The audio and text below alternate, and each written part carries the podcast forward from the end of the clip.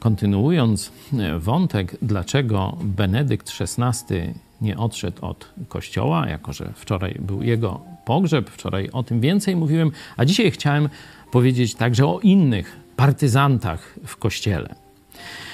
To nie są ludzie, którzy nie rozumieją tego, że Kościół katolicki jako hierarchiczna instytucja prowadzi ludzi do piekła. Oni to wiedzą, tak samo jak ja gdzieś mniej więcej wychowani na ruchu oazowym, na misjonarzach Campus Crusade for Christ, taki protestancki ruch, który wspomagał ruch oazowy księdza Blachnickiego związany z Joe Łosiakiem w Polsce.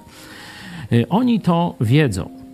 Oni starają się głosić katolikom Ewangelię o darmowym zbawieniu, sprzeczną z dogmatyką katolicką, ale robią to udając katolików. Dlatego ich nazywam partyzantami w kościele. Dlaczego oni tak robią? No ich pierwsza, i to wiele dyskusji takich odbyłem w życiu e, z tymi moimi przyjaciółmi, pierwsza ich taka linia obrony to jest, że wychodząc poza Kościół katolicki, kompletnie pozbawiają się możliwości wpływu, możliwości mówienia do katolików że są z automatu zakwalifikowani jako sekta, no bo opuścili Kościół e, katolicki i nikt nie chce ich słuchać. A tak, będąc w strukturach Kościoła katolickiego, gdzieś po cichu, po kryjomu, w takim kuluarowym gdzieś kontekście, mogą prowadzić ludzi do Chrystusa, mają posłuch, mają pozycję,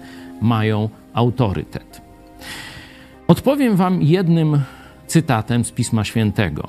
List do Hebrajczyków, 13 rozdział, werset 12 i 13. To jest nauka apostolska, nauka przekazana przez Jezusa. Dlatego i Jezus, aby uświęcić lud własną krwią, cierpiał poza bramą.